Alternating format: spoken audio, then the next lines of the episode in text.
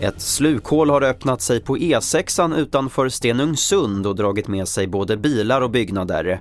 Tre personer uppges vara skadade och ett stort område har nu spärrats av då det finns risk för vidare ras.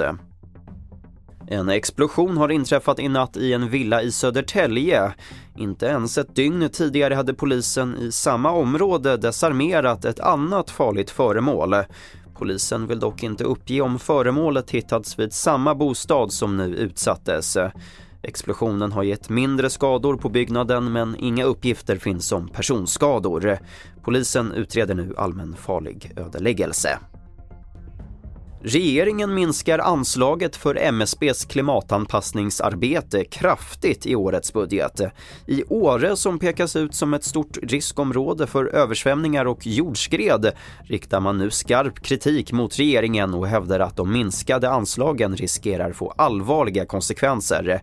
Martine Eng är kommunalråd i Åre. Jag förstår inte, efter erfarenheterna med Hans i hela landet, hur man kan prioritera så här. Det går inte ihop för mig. Vi behöver eh, stödet från MSB när det gäller att eh, analysera våra risker men också att planera vad vi måste göra framåt.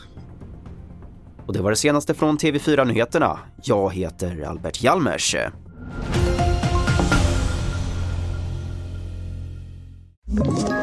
Ett poddtips från Podplay. I fallen jag aldrig glömmer djupdyker Hasse Aro i arbetet bakom några av Sveriges mest uppseendeväckande brottsutredningar går vi in med hemlig telefonavlyssning och, och då upplever vi att vi får en total förändring av hans beteende. Vad är det som händer nu? Vem är det som läcker?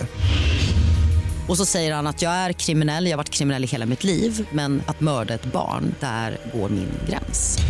Nya säsongen av Fallen jag aldrig glömmer på Podplay.